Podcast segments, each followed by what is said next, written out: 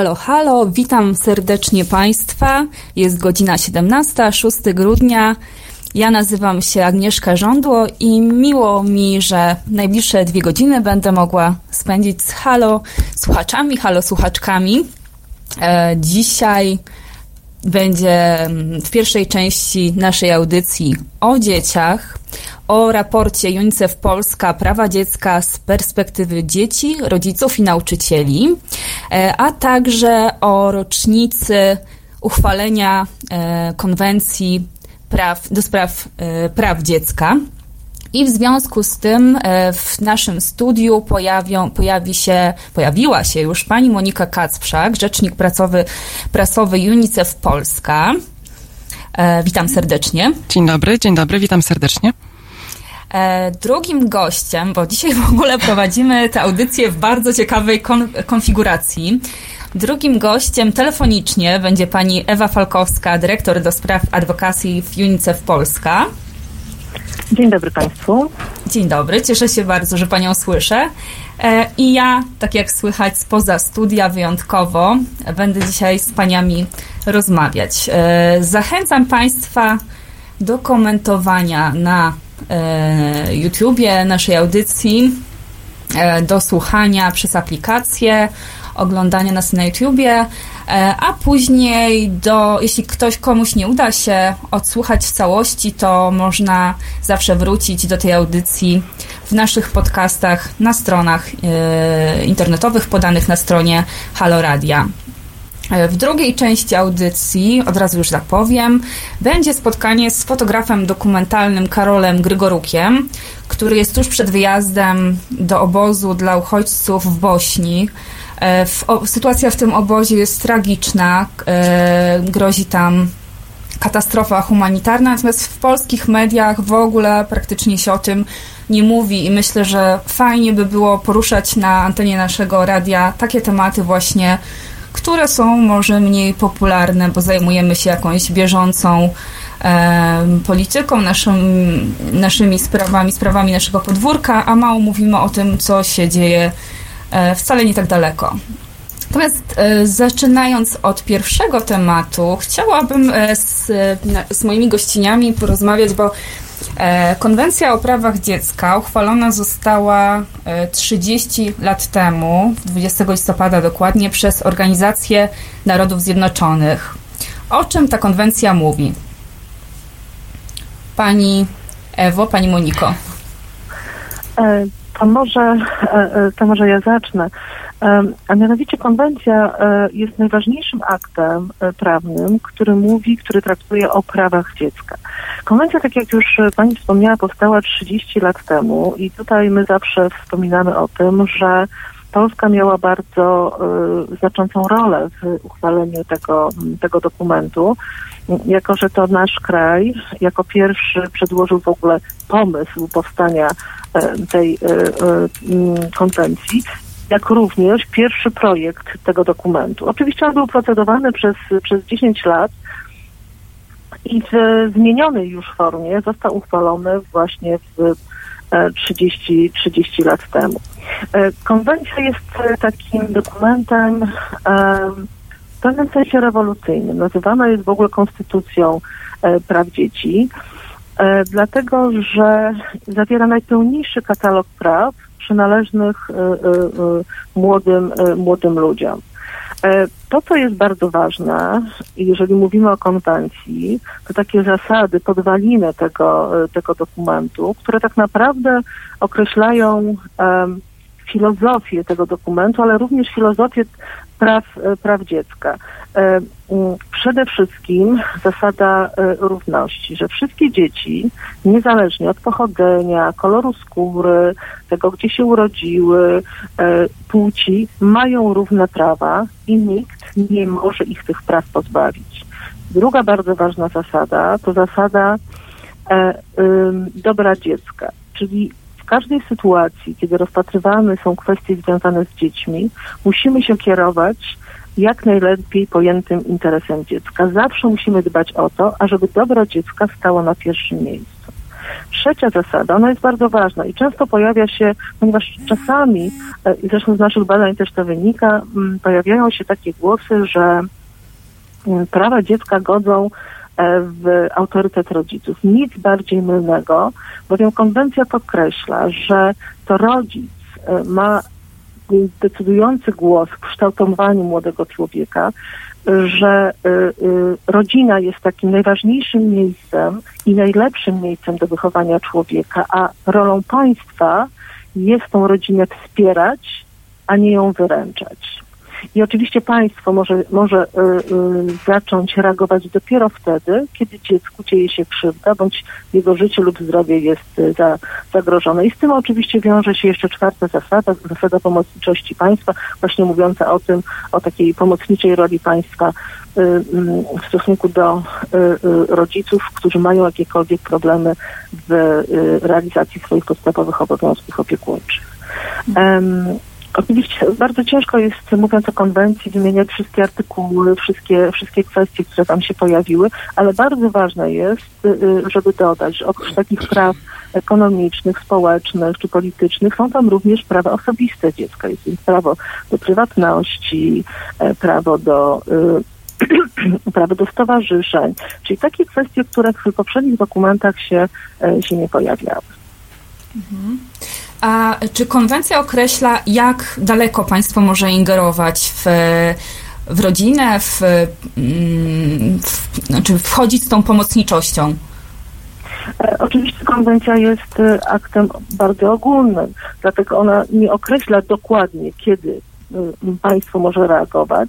E, konwencja zakreśla ogólne ramy, które następnie są doprecyzowane przez poszczególne państwa w ramach albo ich praw już e, krajowych, bądź też innych dokumentów. Mhm.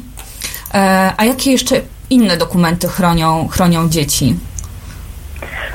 Czy możemy tu podać Oczywiście y, najważniejszym dokumentem, który mówi o prawach dziecka, o tym, że y, prawa dziecka są, że należy je respektować, jest oczywiście Konstytucja Rzeczpospolitej Polskiej, która mówi o tym, że prawa dziecka powinny być respektowane i że dziecko ma prawo do ochrony przed, y, przed przemocą. I wydaje mi się, że te dwa dokumenty to są najważniejsze dokumenty, które tak naprawdę określają wagę tych praw dziecka i tego, że y, praw dziecka nie należy lekceważyć, czy też traktować w sposób, e, w sposób mm, nieco niepoważnie, jak to czasami e, ma miejsce. E, A jak? Tak? Czasami pojawia się w ogóle pytania, po co, po co pojawiła się konwencja o prawach dziecka, skoro mamy dokumenty związane z prawami człowieka. Otóż e, konwencja o prawach dziecka pojawiła się dlatego, że młody człowiek, bo to jest oczywiście mówimy o młodym człowieku, ma takie same prawa jak dorosły, ale jednak ze względu na swoją pewną niedojrzałość, czasami pewną nieporadność, E, potrzebuje dodatkowej ochrony, zabezpieczenia i wsparcia i dlatego pojawiła się konwencja o prawach dziecka, gdzie te dodatkowe prawa są dzieciom gwarantowane. Mhm. A jak to możliwe, że jak to się stało, że, że Polska została inicjatorem tej konwencji prawa międzynarodowego? No cóż, taki był wówczas e, pomysł ówczesnych władz i, i, i, Polska wyszła z taką, z taką inicjatywą. Natomiast warto tutaj dodać, że e, no, nie bez przyczyny, dlatego że prawa dziecka mają w Polsce dość bogatą tradycję. Y, już nie mówiąc y, o Januszu Korczaku, który był tak naprawdę prekursorem praw dziecka i jego i wpływ jego filozofii w konwencji e, jest bardzo widoczny przede wszystkim w tym, e, że dziecku przede wszystkim należy się szacunek. Jak gdyby ta, taka baza, od której zaczynamy mówiąc w ogóle o prawach dziecka, że każdemu człowiekowi, niezależnie od wieku, w tym również dziecku, należy się przede wszystkim szacunek i poszanowanie jego godności. Mhm. Tutaj jeszcze może dodam, bo to, bo to też ciekawostka, ale może zainteresuje y, słuchaczy, że y, y, pomysłodawcą e, y, powstania e, UNICEF-u był również Polak, Ludwik Reichmann, być może tutaj e, e, pani Monika chciałaby troszeczkę więcej na ten temat powiedzieć, jeżeli oczywiście temat jest ciekawy, więc może oddałabym głos. Ja z chęcią mhm. wrócę do omówienia postaci mhm. Ludwika Reichmana, ale po piosence Pink Floyd Another Brick in the Wall. Jeśli możemy prosić, to to z chęcią później o Reichmanie.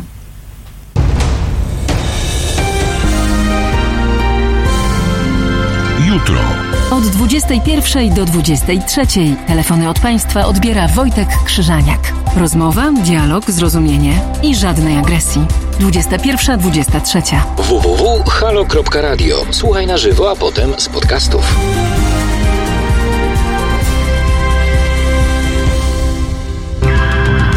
We don't need no education. We don't need no thought control.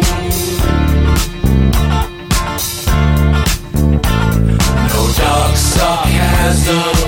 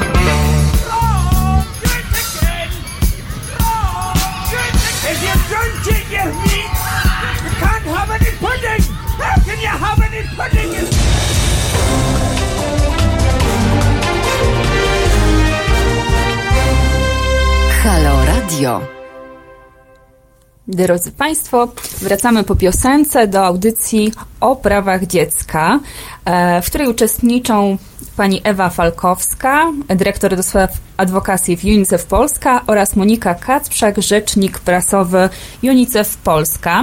E, I przed piosenką e, wspominałyśmy, że ważną postacią dla praw dziecka był Ludwik Reichmann, Polak. E, Pani Moniko, czy mogłaby powiedzieć Pani kilka słów, kim był i dlaczego jest tak ważny w e, historii praw dziecka? E, Tak, to prawda. Ludwik Reichmann był bardzo ważną postacią dla praw dziecka i ważną postacią dla, dla Polski, dla UNICEF. E, To była osoba, która pochodziła z dosyć bogatej rodziny. Jego rodzina zakładała filharmonię w Warszawie, mm, więc była też w stanie zapewnić synowi mm, dobre wykształcenie, zagraniczne wykształcenie. E, Ludwik Reichmann mm, miał szansę ogromnej kariery, e, szczególnie w Wielkiej Brytanii, we Francji. Natomiast był wielkim też humanistą. Był po pierwsze lekarzem, bakteriologiem i w latach wojennych, kiedy wrócił do Polski, e, żeby też odwiedzić swoich krewnych, e, kiedy zobaczył, jak tragiczna jest sytuacja i ludzi, i dzieci zwłaszcza, dzieci, dla których miał ogromne serce e, i którym chciał pomóc, powiedział, że no tak dłużej być nie może, bo te dzieci, tym dzieciom nikt nie pomaga. Służba zdrowia nie istnieje, system społeczny mm, no, prak- praktycznie go nie ma. I wtedy postanowił, że, że, że musi coś zrobić, że zrobić wszystko, żeby, żeby przede wszystkim najpierw dzieciom w tej Polsce wojennej, powojennej pomóc.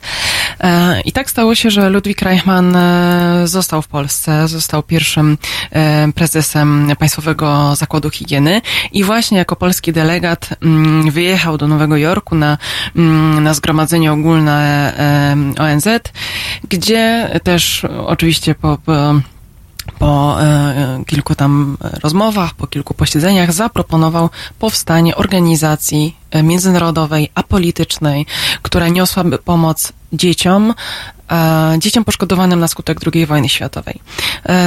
No i tym sposobem przyczynił się do powstania UNICEF. UNICEF powstał w 1946 roku, czyli obchodzimy w tym roku już 73 urodziny. I faktycznie UNICEF w tych pierwszych latach powojennych niósł pomoc dzieciom w Polsce i w krajach ościennych, dzieciom poszkodowanym na skutek II wojny światowej. E, Odżywiał, szczepił, mm, budował budował szpitale, e, dostarczał wszelką potrzebną pomoc. E, No natomiast e, w latach 50., 60. ten mandat UNICEF został e, powiększony i e, okazało się, że dzieci nie tylko w Europie i tej, zwłaszcza w Europie Wschodniej potrzebują pomocy, ale też dzieci na całym świecie i tym sposobem już e, robiąc szybki przeskok, e, teraz w 2019 roku jesteśmy obecni w ponad 190 krajach świata. W 150 bezpośrednio niesiemy pomoc. Mm, To są kraje rozwijające się, kraje, które są poszkodowane na skutek katastrof naturalnych, konfliktów zbrojnych. Natomiast w pozostałych około 40 krajach Jesteśmy um, jako komitety narodowe, tak jak w Polsce, i naszą rolą jest zbieranie funduszy właśnie na pomoc dla tych krajów i tych dzieci, e, które same sobie pomoc, pomóc nie mogą.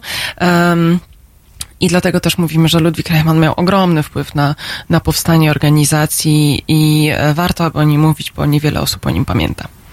To prawda. E, a czy jest jakiś związek pomiędzy postacią Ludwika Reichmana, e, albo może nawet bez, już poza Reichmanem, ale pomiędzy UNICEF a Konwencją Praw Dziecka? E, Tak, jak najbardziej. E, Konwencja o prawach dziecka, która została uchwalona w 1989 roku, była też ogromnym, ogromnym postępem dla UNICEF, bo em, tak naprawdę my na podstawie Konwencji o prawach dziecka wyzna, wyznaczyliśmy sobie cele, które chcemy osiągnąć na świecie. Em, te cele są dosyć ambitne, bo dążymy do tego, aby każde dziecko na świecie miało em, żyło w e, świecie bezpiecznym, czystym, e, w, mm, nie musiało się bać o swoje życie, w zdrowym e, świecie, bez jakby mm, konfliktów, mm, z dostępem do opieki medycznej. zapewnienie dzieciom z niepełnosprawnościami czy, czy z grup defaworyzowanych równe szanse. To oczywiście jest, są takie no, można powiedzieć, że konwencja o prawach dziecka jest taką podwaliną też dla naszych działań i wyznacza też troszeczkę kierunki mm, naszego funkcjonowania. I e, co ważne, żeby powiedzieć, że UNICEF jest e, mm, chyba jedyną, Ewo, poprawnie jeśli się mylę, organizacją wymienioną dosłownie w konwencji o prawach dziecka. Nie, nie, nie mylisz się, e, e, dlatego że UNICEF miał ogromny wkład w opracowanie i w przygotowanie konwencji o prawach dziecka. Prace, tak jak już wspomniałam, były bardzo długie, burzliwe, oczywiście mm, musiało dojść do kompromisu bardzo wielu krajów, które miały różne, e, różne poglądy na bardzo wiele spraw. UNICEF odgrywał w tym bardzo istotną rolę e, i dlatego też został wymieniony w konwencji jako organizacja, jako ekspert w obszarze praw dziecka. E, A jakie zastrzeżenia? Bo wiem, że jakieś były ze strony Polski. E, Jakie Polska miała zastrzeżenia? Bo mm, w 1991 roku e, ratyfikowaliśmy tę konwencję, ale nie w pełni. E, tak, tam pojawiły się dwa zastrzeżenia. E, jedno, jedno z tych zastrzeżeń, które dotyczyło udziału dziecka w konfliktach zbrojnych, one już zostało, zostało wycofane, a pierwsze dotyczyło e, roli e, rodziców i rodziny, czyli właśnie tak naprawdę to, o czym ja mówiłam na samym początku, e, gdzie e, jak gdyby dodano, do- dodane zostało zastrzeżenie, że to rodzina, rodzic ma tą nadrzędną rolę w mm, sprawowaniu opieki, w decydowaniu o, o, y, o dziecku, e, co tak naprawdę nie było potrzebne, bo konwencja w ogóle nie, nie ingeruje w tą sferę. E, No, natomiast z naszej strony była, ze strony naszego państwa była chęć dodania takich, takich zastrzeżeń, e, no, w związku z tym one się, one się pojawiły. Mhm. Ale w, w jakim sensie? To znaczy Polska e, chciała, żeby e, rodzice mieli więcej praw? Nie, to nawet nie, to nawet, to nawet, to, to nawet nie to, że, że, że, że rodzice mają mieć więcej praw. Chodziło o to, trudno mi jest oczywiście w tej chwili mówić, jakie były intencje osób, które, które takowe zastrzeżenia e, składały, natomiast chodziło o to, żeby podkreślić znaczenie e, rodziny i środowiska rodzinnego w, e, w życiu dziecka. E, No oczywiście tutaj mówiąc o konwencji, mówimy, mówimy o konwencji, ale y, y, warto też dodać, że do konwencji powstały również protokoły dodatkowe, e, które y, jednej, y, dwa protokoły dodatkowe e, powstały wcześniej. One mówią z jednej strony o udziale dziecka, ochronie udziału dziecka w konfliktach zbrojnych, drugi o ochronie dziecka przed y, przemocą.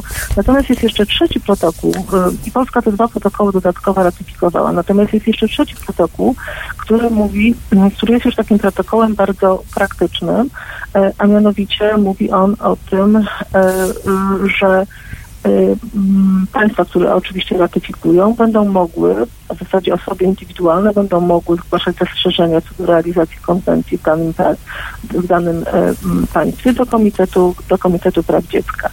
E, I no, Polska tego, tego trzeciego protokołu jeszcze nie ratyfikowała. Mamy nadzieję, że z okazji 30 rocznic Konwencji o prawach dziecka e, coś się zmieni i że, że, że jak gdyby prace nad tym, nad tym trwają. W ogóle mówiąc o Konwencji o prawach dziecka, ja nie wspomniałam o jednej bardzo ważnej rzeczy, a mianowicie o tym, że jest to jeden z dokumentów, e, który zakłada e, monitorowanie implementacji Konwencji o prawach dziecka przez poszczególne kraje.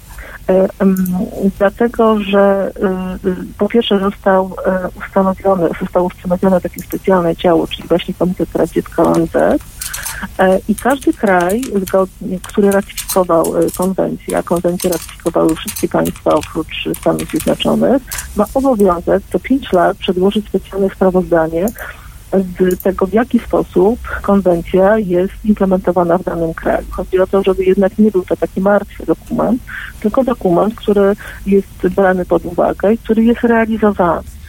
I oczywiście już nie będę opowiadała o całej procedurze. Na zakończenie tej procedury e, Komitet Praw Dziecka e, e, dla każdego kraju e, mm, przedkłada e, przedkłada e, mm, rekomendacje, jakie jeszcze działania muszą zostać podjęte, aby zdaniem komitetu e, konwencja w danym kraju była implementowana. I z tychże zaletnych z ich realizacji dany kraj znowu musi się po pięciu latach rozliczyć i tutaj Polska znowu jest w trakcie takiej procedury. Mamy nadzieję, że ten raport rządowy, który będzie mówił o tym, jak Polska e, implementuje konwencję, jest już w trakcie, jest opracowywany. Mamy nadzieję, że wkrótce będzie, będzie zakończony i wtedy inne organizacje, organizacje pozarządowe będą mogły również go przeanalizować i zobaczyć, e, w jaki sposób no, nasz kraj mm, e, przedkłada, jakie, jakie tematy zostały poruszone w tym raporcie i czy czasami oczywiście organizacje pozarządowe mają też ten głos, że mogą powiedzieć, czy zgadzają się z takim przedstawieniem sytuacji, czy uważają, że też jeszcze pewne rzeczy należałoby podkreślić, dodać, czy też zmienić. Mhm. A z czego wynika problem z e, nieprzyjęciem tego trzeciego protokołu przez Polskę? E, No to jest, Jakieś konkretne przepisy nam przeszkadzają? E, To nawet nie jest do końca chyba pytanie, e, e, myślę, trudno mi jest na to pytanie odpowiedzieć. Myślę, że to jest bardziej pytanie do, do osób odpowiedzialnych za podjęcie tej decyzji, jakie, dlatego że zarówno Rzecznik Praw Dziecka kilka lat temu, jak również my apelowaliśmy o przyjęcie tego protokołu. Z naszej perspektywy nie stanowi on, nie ma żadnych przeciwwskazań do do jego ratyfikacji. To fakt, że jeszcze niezbyt wiele krajów ten protokół ratyfikowało. Może jest jakaś taka obawa, żeby jednak nie być... Nie, nie, trudno, trudno mi w tej chwili e, e, oceniać, jakie są, jakie są e, e, przyczyny takiego stanu rzeczy. Ja tylko dodam, jeśli mogę, jeśli są Państwo zainteresowani e, konwencją, historią konwencji, w ogóle prawami dziecka, to bardzo serdecznie zapraszamy na e, specjalny pro, e, mm, specjalną stronę internetową dedykowaną właśnie obchodom em, 30-lecia konwencji, stworzoną specjalnie właśnie na 20 listopada tego roku. Strona mm, która się nazywa prawadziecka.org. E, To jest strona e, właśnie UNICEF Polska, na której zebraliśmy wszystkie najważniejsze informacje o konwencji, e, historie, fajne historyczne zdjęcia, więc zapraszamy, jeżeli ktoś z Państwa chce też pogłębić swoją wiedzę na temat konwencji i praw dziecka, do zapoznania się i też szerzenia tej wiedzy. Ja mam jeszcze jedno pytanie w związku z, z ratyfikacją e, konwencji. Dlaczego Stany Zjednoczone, ten kraj, taka kolebka demokracji, jako jedyne nie ratyfikowały konwencji? E, panie to pytanie pojawia wiedzą? się bardzo często. E, e, My na nie do końca e, nie umiemy odpowiedzieć. Argument, jaki przedkładają Stany Zjednoczone jest taki, że ze względu na zróżnicowane systemy prawne w poszczególnych stanach jest im bardzo ciężko ratyfikować dokument na poziomie e, federalnym i w związku z tym oczywiście prawa dziecka są u nich respektowane, natomiast e, e, wykorzystują do tego swoje, swoje prawo, na, natomiast ratyfikacja konwencji jest dla nich e, trudna. Nie wiemy, czy jest to, nie wiemy, czy, czy akurat takie są powody, a nie inne, natomiast takie jest wytłumaczenie oficjalne. Bardzo dziękuję za to oficjalne wytłumaczenie, a teraz piosenka Kings of Leon, Sex on Fire. Mało dziecięca.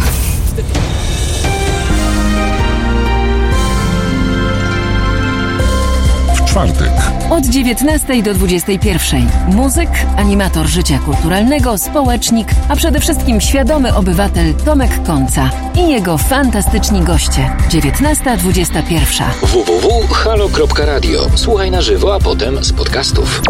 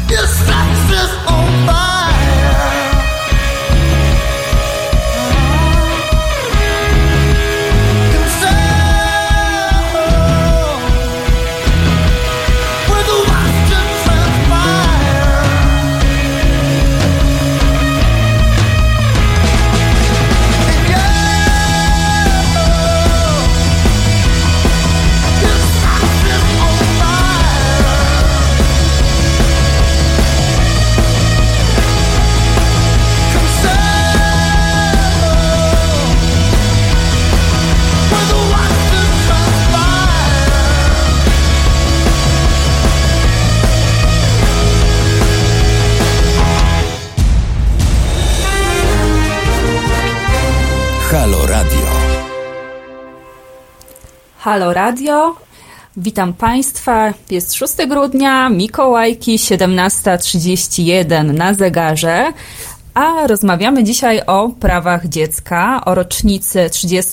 w, e, Konwencji Praw Dziecka, o działalności UNICEF. E, I w związku z tym e, chciałabym zadać jedno pytanie od jednego z komentujących na naszym YouTubie. E, a jest to związane też z pytaniem, które ja sama chciałam zadać. E, Pan Gniewko Mieszko pyta, e, 30 lat konwencji praw dziecka, co UNICEF robi, żeby dzie- dzieci w Afryce, Azji, Ameryce Południowej nie musiały pracować? To jest znane zjawisko w tych rejonach świata, bo samą konwencją to raczej wiele nie zdziała. Ja chciałam zapytać o mm, właśnie takie praktyczne skutki wprowadzenia konwencji praw dziecka. E, Jeżeli chodzi o sytuację. zmieniło? Mhm. Jeżeli chodzi o sytuację dzieci na świecie, to faktycznie UNICEF e, mm, regularnie monitoruje e, tę sytuację, e, porównuje do lat poprzednich, wyznacza sobie nowe cele. Mm, I faktycznie teraz 20 listopada to była taka okazja do refleksji, jak to życie dzieci się zmieniło na przestrzeni 30 lat. I z jednej strony mamy bardzo pozytywne skutki, e, takie, że w ogóle prawa dziecka zostały dostrzeżone, że są egzekwowane na forum międzynarodowym, e, że nie tylko UNICEF, ale wiele też innych organizacji działa ramię w ramię m, po to, żeby poprawić e, sytuację dzieci na świecie. Między innymi e, o połowę zmniejszył się ten odsetek dzieci niedożywionych, czyli została też e, poprawiona służba zdrowia i dostęp, też dostęp do szczepień e, bardzo się poprawił. Więc widzimy, że na wielu płaszczyznach życie dzieci się poprawiło, natomiast oczywiście jest bardzo wiele jeszcze do zrobienia. Bo w chwili obecnej e, więcej krajów niż kiedykolwiek w historii jest uwikłanych w konflikty e, wewnętrzne bądź e, międzynarodowe niż, niż to miało miejsce przez ostatnie 30 lat. I to ma ogromny wpływ na, na życie dzieci. Jakby odpowiadając na pytanie, pana komentującego. E, Faktycznie UNICEF szacuje, że około 150 milionów dzieci na świecie pracuje e, zarówno w krajach Afryki subsaharyjskiej, w krajach e, Azji, szczególnie Azji Południowo-Wschodniej. Są to bardzo często przypadki dzieci, mm, które wykonują bardzo trudną fizyczną pracę, zagrażającą ich zdrowiu i życiu. Praca dzieci e, bardzo często wiąże się z ich wykorzystywaniem. Też e, mamy na jed, z jednej strony zmuszanie dzieci do pracy, do, najmłodsze, na- najmłodsze dzieci zmusza się często do żebrania, e, starsze dzieci e, nieraz niestety są wykorzystywane seksualnie. Mm, Natomiast co można zrobić? Patrzymy przede wszystkim na przyczyny, dlaczego dzieci są zmuszane do pracy. Przede wszystkim jest to związane z ubóstwem rodzin. Dlatego robimy w UNICEF wszystko, żeby poprawić po prostu poziom życia rodzin. Wsparcie nie tylko finansowe, ale też w zapewnieniu e, osobom dorosłym mm, edukacji i godnej pracy dla osób dorosłych, tak żeby nie musiały zmuszać dzieci do pracy, ale posyłały je do szkoły, tam gdzie, mm, tam gdzie dzieci powinny spędzać dzieciństwo, czyli w szkole wśród rówieśników. I, e, no i to jest nasz e, klucz do naprawy tej sytuacji. Oczywiście posyłanie dzieci do pracy wiąże się z dyskryminacją płci, na przykład częściej dziewczynki są e, posyłane do pracy niż chłopcy. Dlatego my oczywiście bacznie przyglądamy się tej sytuacji. Ważny jest też jakby prawny limit jakby prawne ograniczenie wieku, w którym można zacząć pracować. W wielu krajach tego limitu nie ma, więc działamy na wszystkich płaszczyznach, zarówno z rządami państw, żeby tą, tę legislację e, poprawić, jak i e, z władzami lokalnymi, z konkretnymi społecznościami, które mm, cały czas e, wyrażają zgodę na wysyłanie dzieci do pracy. Więc tak jak wspomniałam, to jest praca u podstaw, edukacja, wzrost stopy życiowej. No i to jest, e, tak jak powiedziałam, klucz do poprawy sytuacji dzieci pracujących przede wszystkim. A ja bym jeszcze jeżeli można, dodała, może wzmocniła e, e, tą kwestię związaną z edukacją. Bo edukacja dla nas wydaje się rzeczą oczywistą, natomiast w krajach rozwijających się jest podstawą, która ma szansę zapewnić rodzinom godny byt. I e, UNICEF zwraca jeszcze ogromną uwagę na równouprawnienie w podejściu do edukacji, czyli e, żeby dziewczynki miały taką samą szansę na edukację jak chłopcy.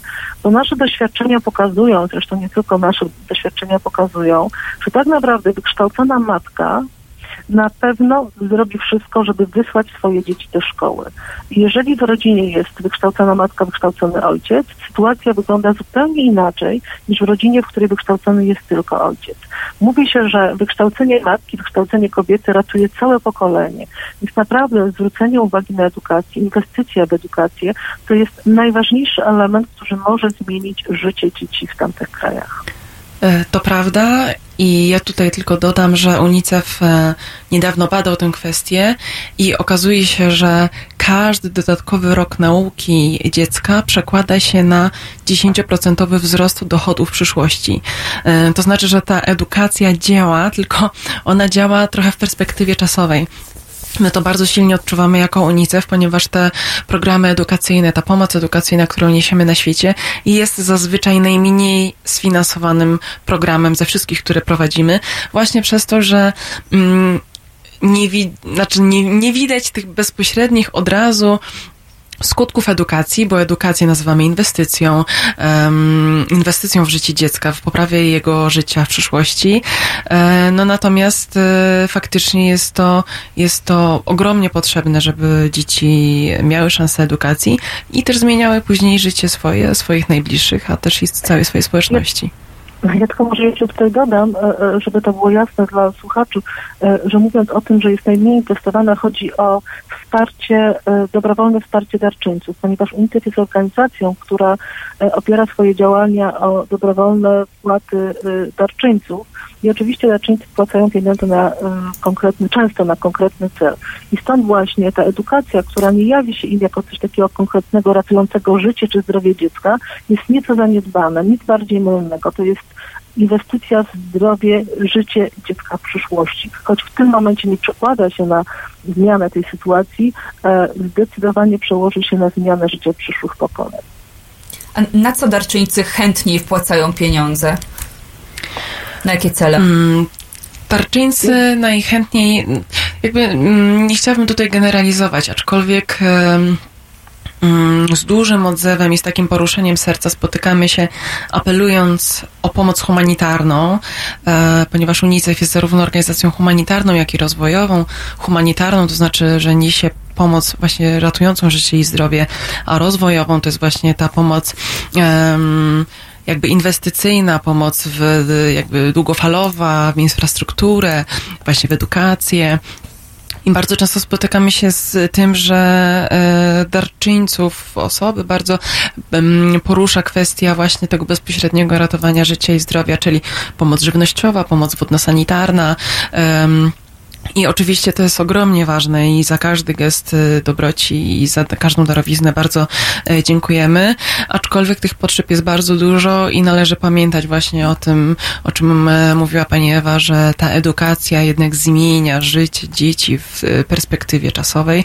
Natomiast oczywiście niezbędne jest ratowaniem bezpośrednie życia i zdrowia dzieci, które na przykład właśnie cierpią z powodu niedożywienia, biegunek, mm, które umierają z powodu zapalenia płuc, które w, w Polsce, w krajach wysoko rozwiniętych jest nie do pomyślenia, żeby dziecko umierało na zapalenie płuc, a w krajach rozwijających się jest to po prostu chleb powszedni.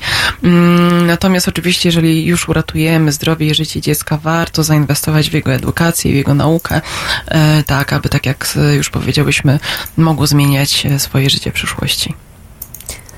W których krajach sytuacja dzieci jest najtrudniejsza? E, Sytuacja dzieci jest najtrudniejsza w krajach e, ogarniętych konfliktami zbrojnymi. W tym momencie mówimy przede wszystkim o, o Jemenie, o Sudanie Południowym, o Republice Środkowoafrykańskiej, o Somalii, o Syrii i też krajach ościennych, które są dotknięte kryzysem uchodźczym. W tych krajach przede wszystkim najważniejszy jest pokój e, i zawieszenie broni, tak żeby organizacje takie jak UNICEF mogły nieść pomoc i też nie były same atakiem, celem ataków e, stron konfliktu. E, Bardzo duże potrzeby są w krajach Afryki Subsaharyjskiej. E, UNICEF szacuje, że mm, co czwarte dziecko na świecie jest dotknięte e, właśnie konfliktem zbrojnym bądź katastrofą naturalną. To jest e, ponad 535 milionów dzieci. Ja też mogę teraz z własnego doświadczenia powiedzieć, e, ponieważ apelujemy o pomoc dla dzieci w Nigrze, w kraju, o którym mało kto słyszał w Polsce. Mm, Na początku września e, byłam na misji UNICEF w Nigrze razem z ambasadorem dobrej woli UNICEF Łukaszem Nowickim. E, Niger to jest, to jest taki dosyć ciekawy kraj, bo na 189 badanych krajów pod względem rozwoju społeczno-ekonomicznego Niger zajmuje właśnie to ostatnie 189 miejsce. I tam potrzeba praktycznie wszystkiego i pomocy żywnościowej, i wodno-sanitarnej, em, i bezpieczeństwa.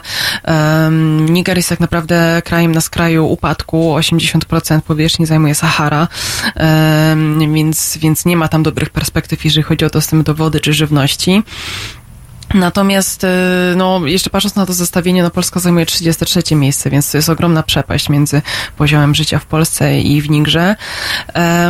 Tam z kolei właśnie skupiamy się na pomocy żywnościowej i dostarczaniu takich e, tradycyjnych dla UNICEF e, saszetek e, z pastą terapeutyczną.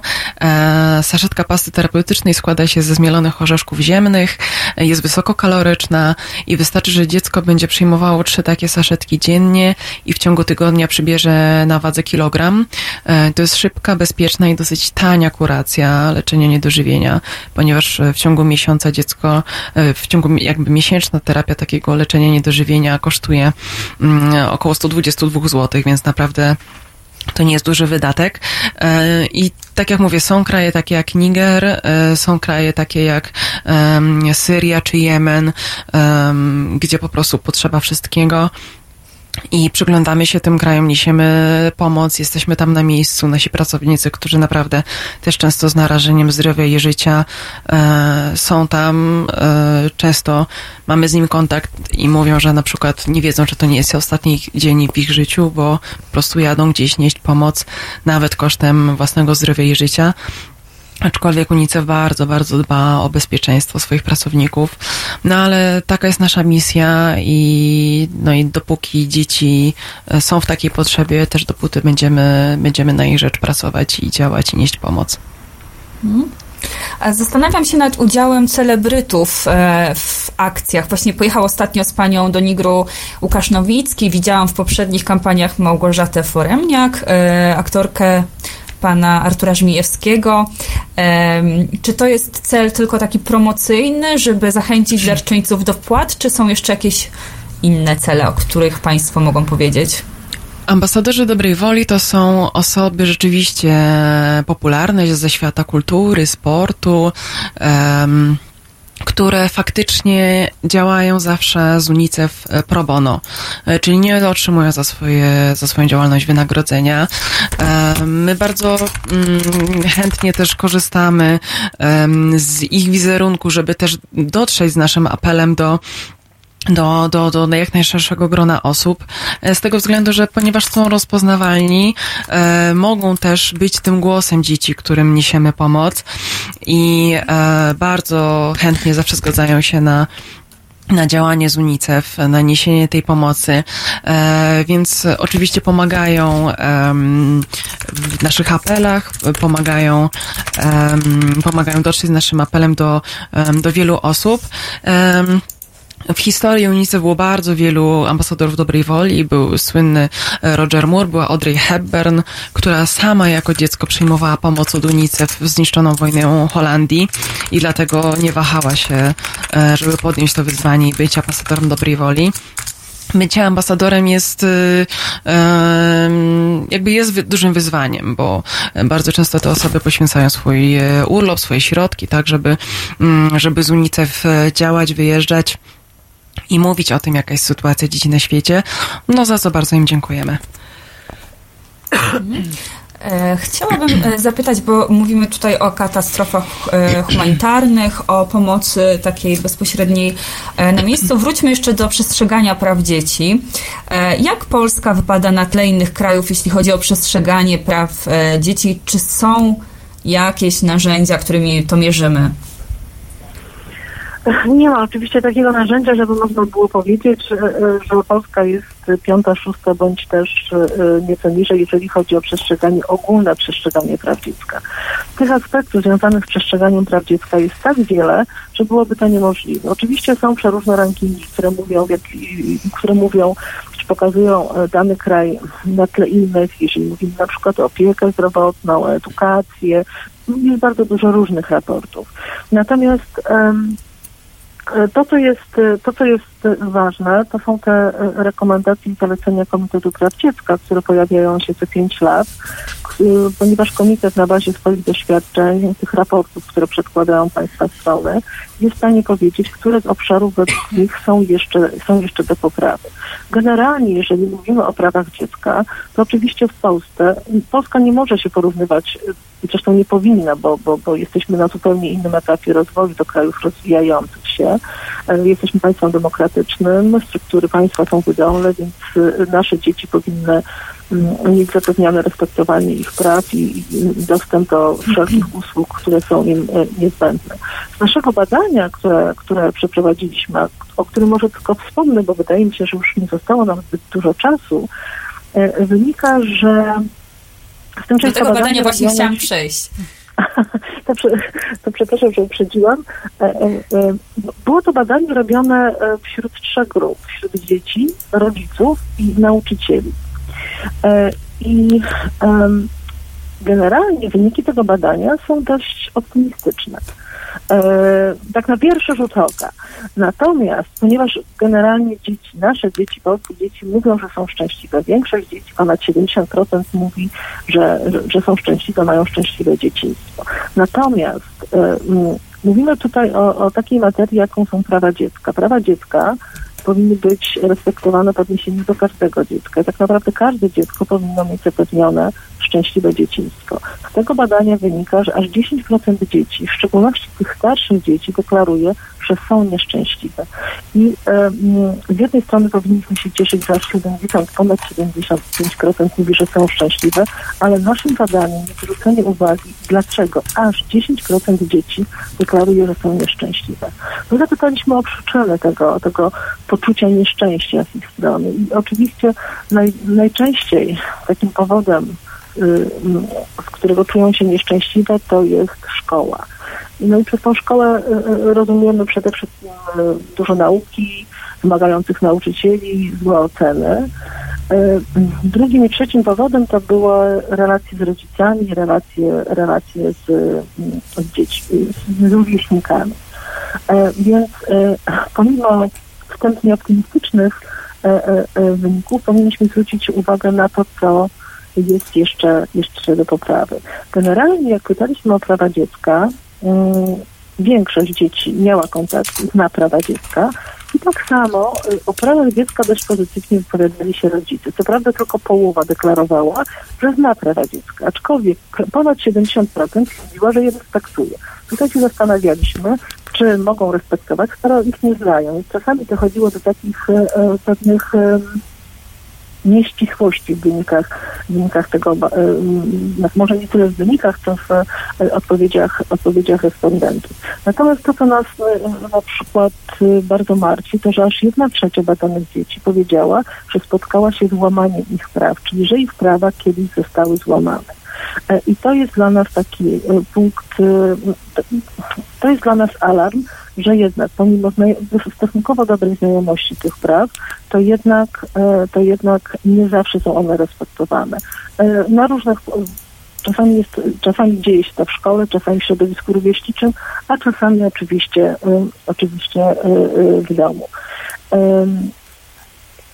To, co było dla nas takim dość dużym zaskoczeniem i napawa nas trochę niepokojem, to, że aż jedna piąta, czyli 20% rodziców mm, twierdziło, że prawa dziecka mogą przeszkadzać, utrudniać y, y, y, wychowanie dzieci.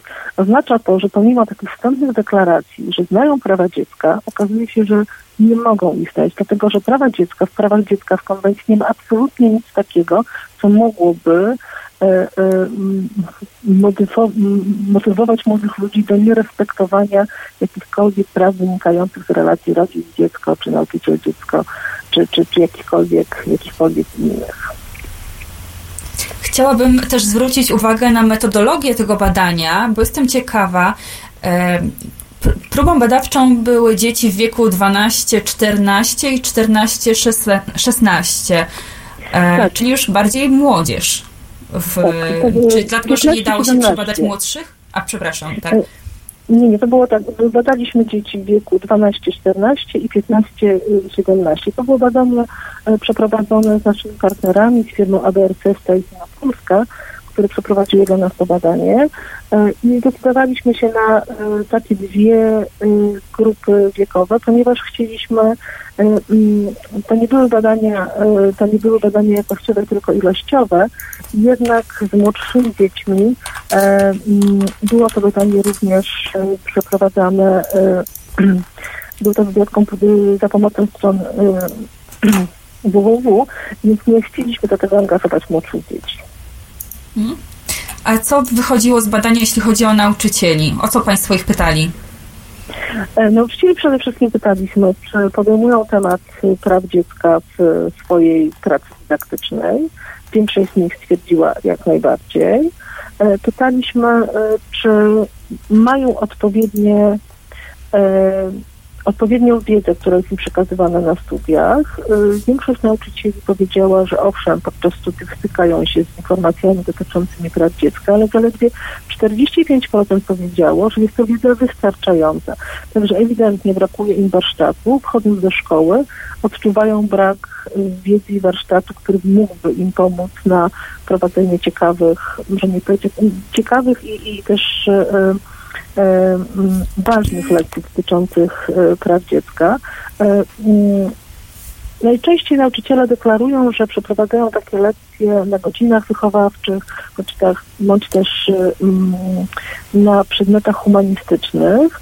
E, Czasami do szkoły zapraszani są jacyś eksperci, ale zapytaliśmy również dzieci, w jaki sposób oni chcieliby tą wiedzę pozyskiwać. Większość dzieci oczywiście powiedziała, że taką wiedzę uzyskują w szkole, ale chcieliby ją najczęściej pozyskiwać nie w taki standardowy sposób na lekcji, ale właśnie poprzez spotkania z ekspertami, ciekawymi ludźmi, poprzez naukę, e, naukę o tym, jak należy realizować prawa dziecka w praktyce. To, co nas bardzo zaniepokoiło, to to, że aż e, 10% nauczycieli, czyli co dziesiąty nauczyciel powiedział, że prawa dziecka e, mm, prowadzą do e, nastrojów, em, że zaburzają relacje y, z rodzicami i nauczycielami, że uczą młodych ludzi y, negatywnych, negatywnych rzeczy. I to było dla nas bardzo, bardzo niepokojące i zaskakujące, że coś takiego pojawiło się ze strony nauczycieli. Tak, to tak jakby zupełne niezrozumienie tego, czym są Zupełnie prawa dziecka. niezrozumienie. E, Y, Mamy jeszcze- wtedy podejrzenia, że tak naprawdę nauczyciele y, zaniedbane zostało na jakimś etapie ich edukacja i to, co myślą i wiedzą o prawach dziecka, nie do końca pokrywa się z tym, co powinni. Jeszcze na koniec mam jedno pytanie, takie bieżące, które wynikło ostatnio, e, bo działający przy ONZ Komitet Praw Dziecka przeanalizował polskie sprawozdanie z przestrzegania konwencji o prawach dziecka i doszedł do wniosku, że okna życia są z nią niezgodne i oczekuje się od Polski zlikwidowania okien życia. E, Rzecznik Praw Dziecka z kolei nie zgadza się z takim stanowiskiem. Czy mm, UNICEF zabiera w tej sprawie swoje Nie, stanowisko? UNICEF nie zabierał stanowiska absolutnie w tej sprawie. To było stanowisko Komitetu Praw Dziecka. e, i Jak gdyby reakcja była ze strony e, rzecznika. Natomiast my w tej chwili, e, to już jest stare sprawozdanie, które powstało bodajże w 2015, chyba w 2012 był raport, w 2015 były rekomendacje. W tej chwili czekamy na nowe i zobaczymy, jakie, będzie, jakie będą zalecenia. Czyli ta, ta sprawa jest e, w tym momencie na bieżąco nierozstrzygnięta. E, e, Oczywiście zalecenia komitetu pojawiły się takie, jakie się pojawiły. Rząd polski nie podjął, nie podjął działań, jak gdyby to jest sprawa pomiędzy Komitetem e, Praw Dziecka a, a państwem stroną, czyli w tym wypadku e, Polską. E, Chciałabym serdecznie podziękować Paniom, bo niestety e, dobiega godzina 18 em, i e, to już jest koniec tej części poświęconej prawom dziecka e, i konwencji praw dziecka.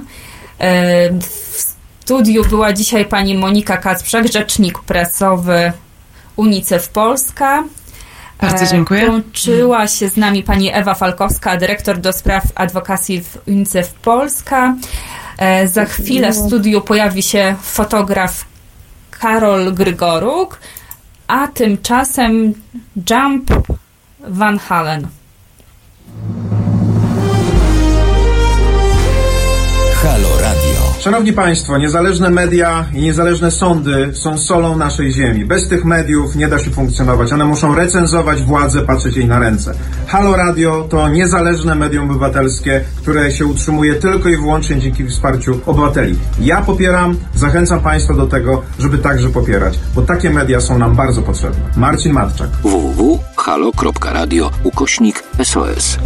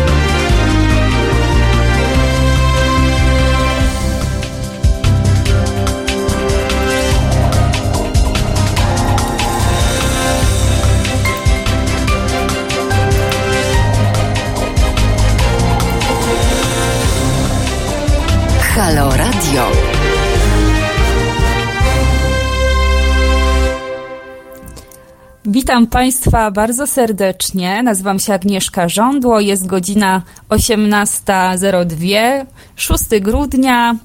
E, W poprzedniej części, w poprzedniej godzinie mówiliśmy o prawach dziecka, a teraz będzie o będzie rozmowa z fotografem dokumentalnym Karolem Grygorukiem, który jest z nami. Witam Cię, Karolu.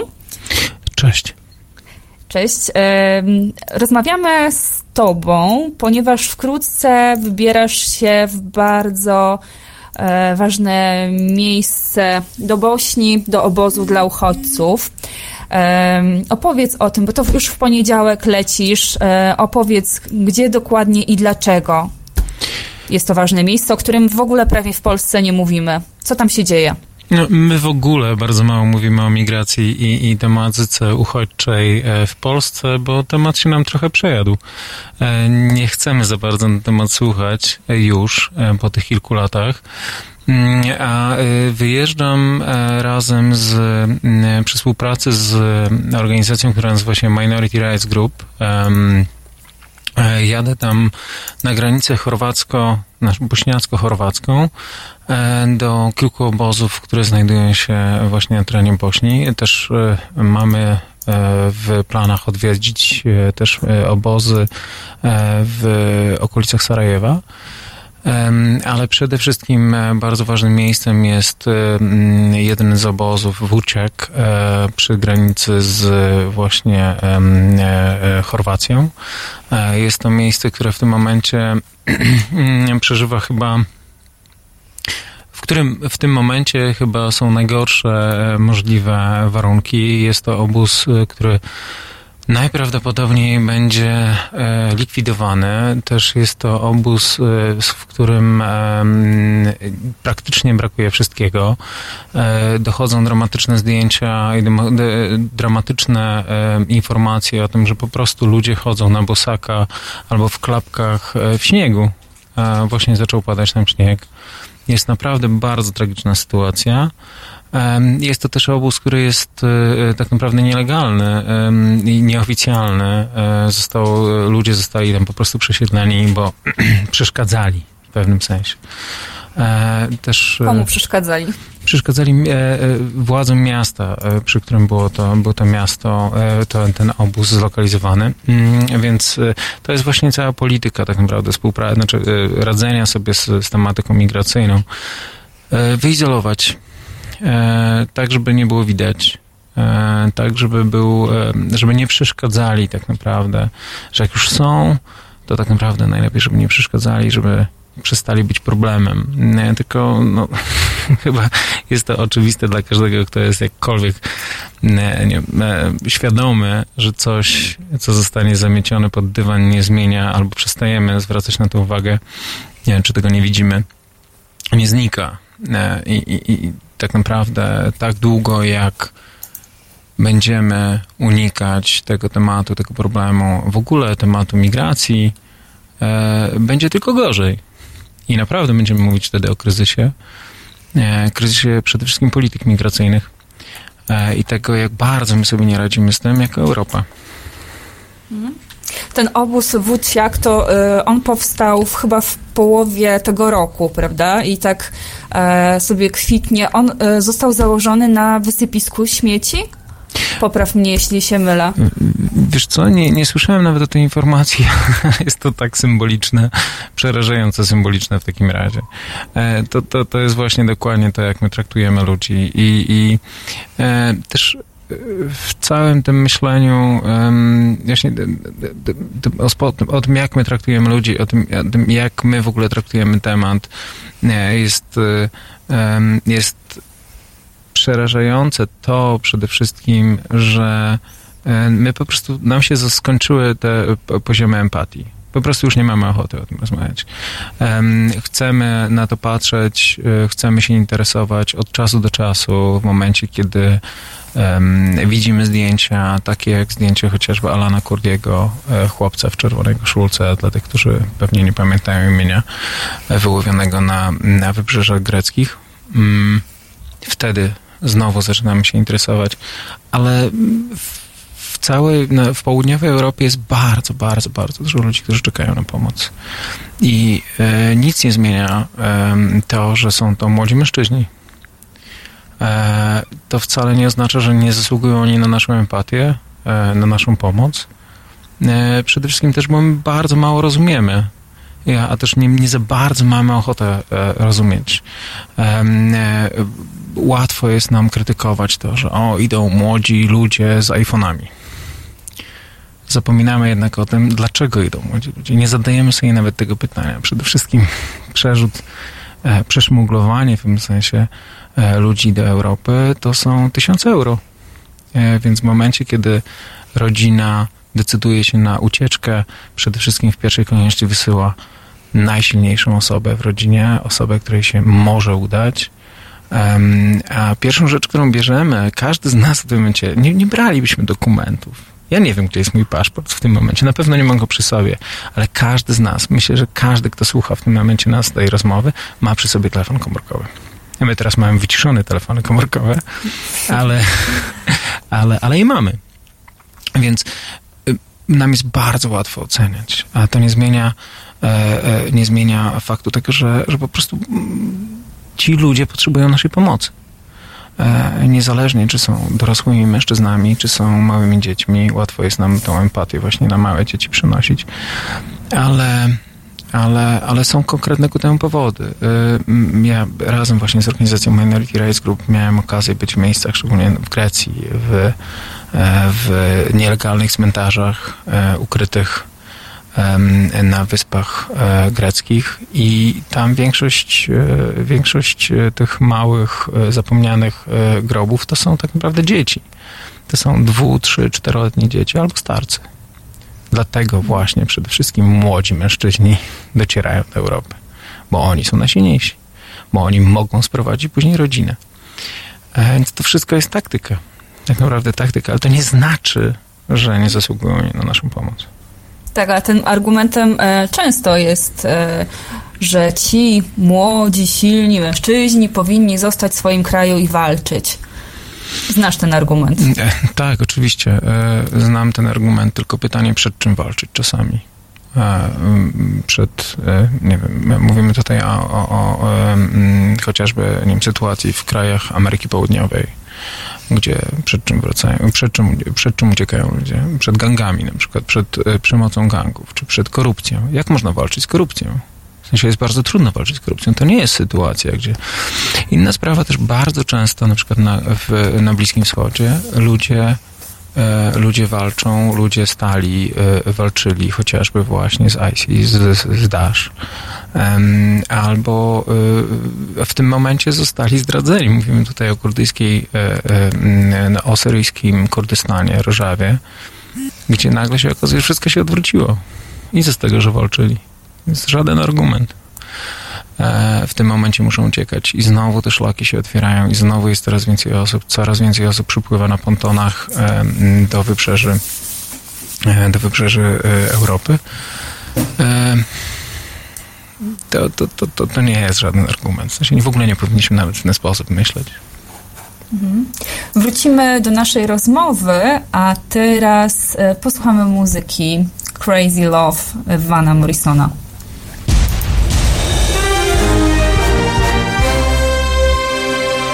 Jutro. Od 15 do 17 dr Przemysław Witkowski będzie rozpracowywać dla Państwa środowiska skrajnej prawicy i innych szkodników.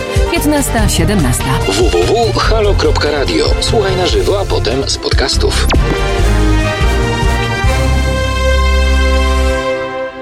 I can hear her heartbeat from a thousand miles. Yeah, the heavens open every time she smiles. And when I come to her, that's where I belong. Yet I run into her like a river song. She gave me love, love, love, love, crazy love. She gave me love, love, love, love, crazy love. She got a fine sense of humor when I'm feeling low down. Yeah, when I come to her when the sun goes down. Take away my trouble, take away my grief, take away my heartache in a night like a thief. She gave me love, love, love, She gave me love, love, love, love, crazy. Yeah, I need her in the daytime. Yeah, I need her in the night. I need her. Yeah, I wanna throw my arms around her. I need her. And kiss and hug her, kiss and hug her tight. Yeah, when I'm returning from so far away, she gave me some sweet loving, brighten up my day. Yeah, and it make me righteous, yeah, it make me whole, yeah, it make me mellow down into my soul. She gave me love, love, love, love, crazy love. She gave me love, love, love, love, crazy love. She gave me love, love, love, love, crazy love. She gave me love, love, love, love, crazy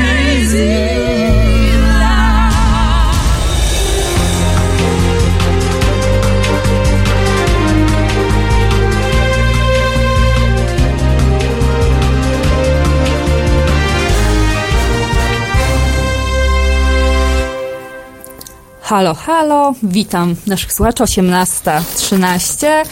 E, tu Agnieszka Żądło w studiu Karol Grygoruk, fotograf dokumentalny. E, rozmawiamy o uchodźcach, o problemie o problemie, o sytuacji uchodźców właściwie.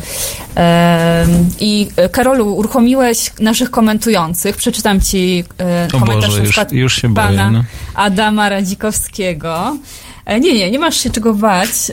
Tak jak powiedział pan Karol, w Europie, a jeszcze bardziej w Polsce, nie ma klimatu na uchodźców, migrantów, imigrantów. Wolimy jednak nie wychodzić ze swojej strefy komfortu. E, Też tak myślisz, że o tę strefę chodzi? My się przede wszystkim bardzo boimy.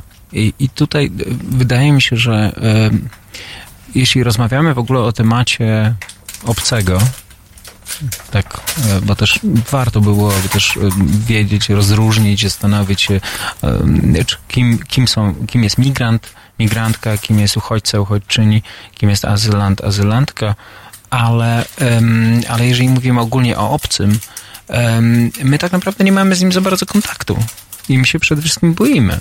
I też e, mm, skrajnie e, nacjonalistyczne i w ogóle nacjonalistyczne e, ugrupowania, grupy, ludzie i tak dalej korzystają z tego strachu. Bardzo łatwo jest zbudować kapitał polityczny właśnie na tym strachu. Jest to obrzydliwe, ale super skuteczne. I dlatego tak naprawdę super ważne jest każde działanie u podstaw, y, te pozytywistyczne działanie, y, każda mała, drobna inicjatywa, y, taka właśnie inkluzywna, wciągająca tych obcych, ja mówię specjalnie, używam tego określenia, nie, nie, nie chciałbym, żeby ktoś tak mówił, e, e, do, do, do tego kontaktu, bo my się boimy, bo nie znamy. I, I ja czasem nawet sobie myślę o tym, że ciężko jest winić ludzi za to. Ciężko jest za to winić ludzi, za to powinniśmy winić polityków, polityczki. Za to powinniśmy winić tych, którzy ten strach podsycają, ale, ale trudno jest winić ludzi za strach, e, kiedy e, ciągle wmawia nam się absolutne głupoty o tym, jak bardzo uchodźcy w tym samym czasie są leniwi i w tym samym czasie odbierają nam pracę. Więc e, nagle się okazuje, że już bardzo ciężko jest znaleźć e, e, polską ekipę e, remontową. Bardzo jest trudno znaleźć kogoś do pracy w Warszawie, kto chce wykonywać słabe, słabo płatne prace, ktoś, kto od lat mieszka w tym mieście. E, Ja sam w okolicznych sklepach, supermarketach i tak dalej co chwilę mam e, e, kontakt właśnie z paniami z Ukrainy na kasie i uwielbiam to, naprawdę. No, Ja się śmieję, że może trochę romantyzuję, ale zawsze z tymi paniami świetnie mi się rozmawia. Ostatnio się zagadałem tak, że zablokowaliśmy całą, całą kolejkę przy kasie i inni też się włączyli w tą rozmowę. Jest coś takiego mm, ciekawego w tym, że to wszystko zależy od nas. To, czy my faktycznie będziemy wchodzić w ten kontakt z tymi ludźmi.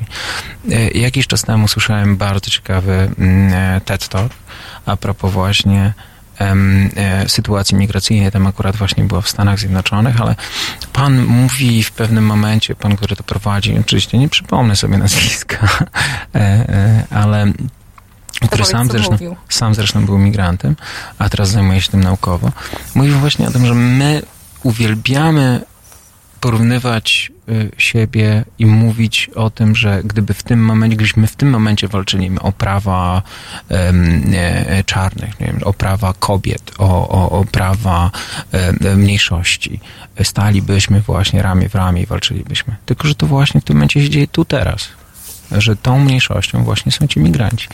I pamiętam e, też, jak e, pracowałem akurat w, e, w Pittsburghu, w Stanach Zjednoczonych, właśnie nad tematem o, o, o uchodźcach. Tam jest przepiękna inicjatywa, która mnie do dzisiaj wzrusza na maksa. Gdzie po prostu ludzie na ulicy, Pittsburgh jest bardzo specyficzny, jest bardzo nastawiony pro społecznie, co widać w ogóle na billboardach, bardzo dużo akcji społecznych, ale ludzie zaczęli na swoich ogródkach, w swoich ogródkach przed domami, czy w oknach nawet wywieszać takie kolorowe tabliczki, często ręcznie robione, z napisem You belong. E, Należysz, należysz do nas, jesteś częścią, jesteś jednym z nas. I to jest piękne. To jest to, że tak naprawdę to wszystko wchodzi na bardzo, bardzo niskim poziomie. To my możemy realizować. To znaczy, za każdym razem, następnym razem, kiedy będziemy mieli kontakt z kimś, kto po nas sprząta, kimś, kto, kto nas obsługuje w sklepie, e, kimś, kto robi coś dla nas. E, Czy to jest pan na Uberze, e, czy, e, czy ktoś, kto dowozi nam jedzenie. E, Bądźmy mili. Po prostu bądźmy mili. Bądźmy akceptujący. Dajmy tego ten napiwek. E, Przywitajmy kogoś. Bo to wszystko się naprawdę sprowadza do super małych gestów.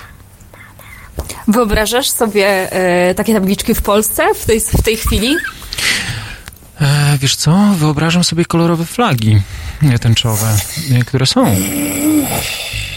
Które są, więc e, chyba też dałoby się to robić w tematyce migracyjnej i uchodźczej.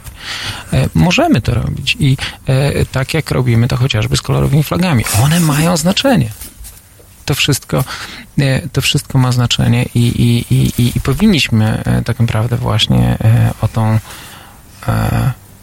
o, o tą akceptowalność, nie wiem, czy dobrze odmieniam słowo, ale, ale walczyć tak naprawdę i, i, i o, tą, o tą widoczność i, e, e, i o to, żeby tak jak w tym przypadku mówiłem właśnie o, o, o osobach nieheteronormatywnych, tak w tym przypadku, w drugim przypadku o, o migrantach i migrantkach, właśnie o tą akceptację. E, To są małe, drobne rzeczy. Oczywiście e, ja się, to jest Absolutnie nie chciałbym, żeby to zabrzmiało jak bagatelizowanie problemu, ale bo, bo, bo przemoc y, też przede wszystkim słowna, ale też fizyczna wobec y, e, e, migrantów, migrantek, uchodźców, uchodźczyń występuje w Polsce. Oczywiście, że tak, ale przede wszystkim większość z tych osób na co dzień spotyka się z niechęcią. To nie jest kon- konkretnie werbalna przemoc czy fizyczna przemoc, ale przede wszystkim niechęcią. I to zależy od nas. My możemy to zmienić. Tak jak za każdym razem, kiedy nie wiem, słyszymy, widzimy, jesteśmy świadkiem e, werbalnego czy fizycznego ataku, nie wiem, w, w, komunikacji, w przestrzeni publicznej i tak dalej, powinniśmy reagować. Tak samo nie, nie musimy zawsze reagować tylko w przypadkach e, negatywnych. Możemy reagować pozytywnie, po prostu e, będąc jeszcze milsi niż, niż, niż jesteśmy na co dzień. Chociaż zachęcam, żebyśmy zawsze byli mili nie tylko wobec, Tak, wobec osób, nie od nas, znaczy nie z naszego kraju. Bądźmy mili dla siebie, tak, apelujemy. E, Karol, mm, kilka, e, całkiem niedawno pojawiła się taka informacja, że e, wreszcie otwarty został nowy korytarz humanitarny z Lesbos do Rzymu. e, i Watykan przyjął 33 uchodźców. Wow. Wow, właśnie. Z jednej strony symboliczny gest, a z drugiej strony no 33 osoby, mało. E, patrząc na to w ogóle, jak Kościół mm, no tutaj słabo, tak, pokazuje swoje e, ewangeliczne mm, podejście. Jak ty to odbierasz, taki gest? Mm, wiesz co, i, i, i, mm, wchodzimy na temat, wchodzimy na temat religii, na coś, na czym nie, w Polsce nie powinno się rozmawiać, nie, ale e, szczególnie przy stole rodzinnym, ale e, przy całej, przy całej mojej niechęci e, do, do, do takiej struktury religijnej, jaką jest Watykan, to e, Trzeba też przyznać, że akurat y, aktualnie y, zasiadający papież y, jest bardzo pozytywnie nastawiony do tematu y, migracji uchodźczego i tak naprawdę naprawdę faktycznie realizuje tą Ewangelię, o której y, mówili tylko wszyscy wcześniej. Mm, y, Tylko my jakoś wybiórczo bardzo traktujemy. Em, Jakoś nam to przychodzi, no, jak coś, jak, jak nam pasuje, to to wykorzystujemy, jak nie, to nie. Oczywiście, e, kurczę, cały, każdy gest, niech to będą nawet dwie osoby, e, a nie 33 e, rodziny, tak? To były rodziny. Jakkolwiek, każdy mały gest jest na wagę złota.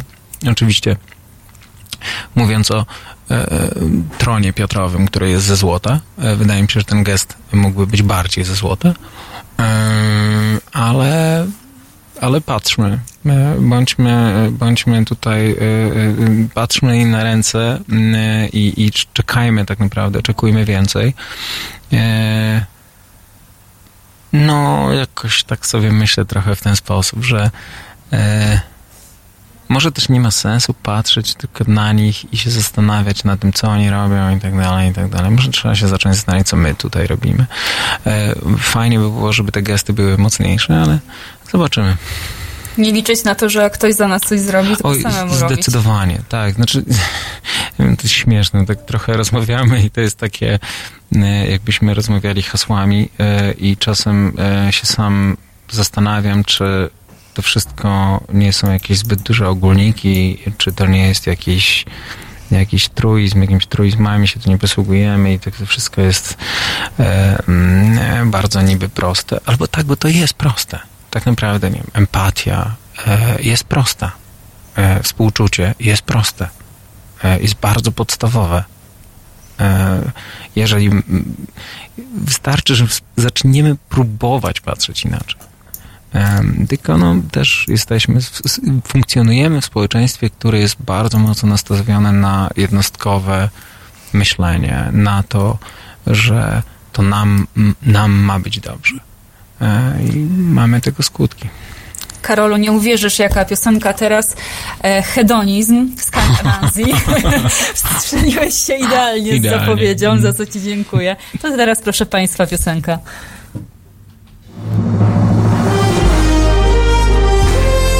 Halo Radio. Nazywam się Adam Bodnar, pełnię funkcję Rzecznika Praw Obywatelskich. Szanowni Państwo, zachęcam Państwa do wspierania Halo Radio. Każda złotówka się liczy, każda wpłata, darowizna, stałe zlecenie na koncie. Ja również co miesiąc wspieram Halo Radio. Zachęcam Państwa również do tego samego. www.halo.radio ukośnik SOS.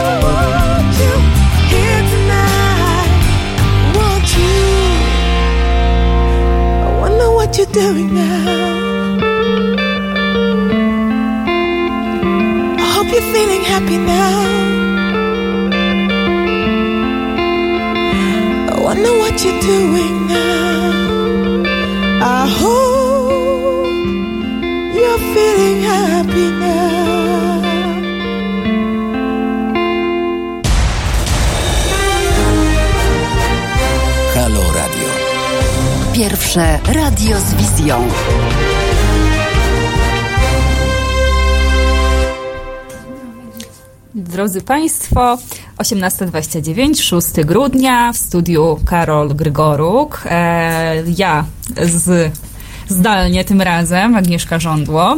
E, Karolu, mówiłeś, że, e, że trochę zbyt ogólnikowo i może truizmami, to powiedz mi w takim razie o konkretach Waszego wyjazdu do Bośni do obozów, e, w jakim celu tam się udajecie, co będziecie dokumentować, w jaki sposób, jaki macie plan? Boże, najgorsze pytanie. E, Wiesz co, ja się już nauczyłem, że za każdym razem jeżdżąc w takie miejsca nie mam planu. E, W sensie oczywiście gdzieś w głowie buduję sobie pewną wizję, wyobrażam sobie pewne rzeczy, zastanawiam się jak ten... Ostatecznie na samym końcu, kiedy się e, trafia w takie miejsca, e, wszystkie pomysły um, bierze szlak i jakby mm, trzeba wszystko od nowa planować. Czasem po prostu trzeba pójść za pewnym, za pewną historią, za pewnym ciosem. Em, e, My wszyscy uwielbiamy tak naprawdę mm, wchodzić w pewną historię za, za sprawą konkretnych bohaterów, bohaterek. To nam zawsze ułatwia. E, Więc y, trzeba takiego bohatera poszukać. Też Ale historie- dopiero na miejscu? tak, bardzo często na miejscu. Oczywiście, że mamy e, bardzo rozwinięte kontakty na miejscu. Ciężko jest nawet się dostać do takich obozów bez konkretnych pozwoleń, bez czasem wiedzy, gdzie jest siatka przerwana, e, jak na Lesbos, e, ale, ale ostatecznie tak naprawdę e, ja staram się nie budować sobie pewnych przedsądów e, kiedy tam jadę, bo tu w tym przypadku naprawdę wszystko może się wydarzyć i muszę przyznać, że to jest e, chwilę temu wróciłem tak naprawdę z Iraku i chyba pierwszy raz mam tak, że mimo tego, że Irak brzmi bardzo groźnie w naszych głowach, całkiem bezpieczne miejsce, ale teraz z tą Bośnią czuję, czuję niepokój tak naprawdę, bo wszystko się może wydarzyć, trochę nie wiemy, co tam się będzie działo ostatecznie na miejscu. Też wyobrażam sobie cały czas y, ogrom sfrustrowanych ludzi. W tym momencie 300 osób prowadzi strajk głodowy na miejscu. mm, Czerwony Krzyż się wycofuje mm, z pomocy na miejsce, bo już czują, że, że zderzyli się z murem. Więc y, naprawdę wszystko się może wydarzyć. Ludzie są po prostu zmęczeni, absolutnie sfrustrowani. Zresztą to jest, y, mm, to jest specyfika właśnie tych obozów w e, Europie. E, one, wyobrażam sobie tylko to i, i jakby znaczy z, rozmów, e, z tego co widziałem i też z pewnej tego, jak się próbuje tak naprawdę zrozumieć to, wyobrażam sobie, jak ciężko musi być przyjechać, przejechać to wszystko, przepłynąć tę, tą, całą, tą całą podróż i ostatecznie wylądować w miejscu, które jest e, piekłem tak naprawdę. E, jest koszmarnym miejscem, jest więzieniem. Często w miejscach, które kiedyś były, tak jak nie wiem, Moria, słynny obóz e, na wyspie Lesbos, które było starą bazą wojskową, więc ma mury, ma zasieki, ma wieżyczki strażnicze. My mówimy tu o ludziach, którzy uciekają przed wojną, przed przemocą, przed traumą i znowu trafiają w tą traumę.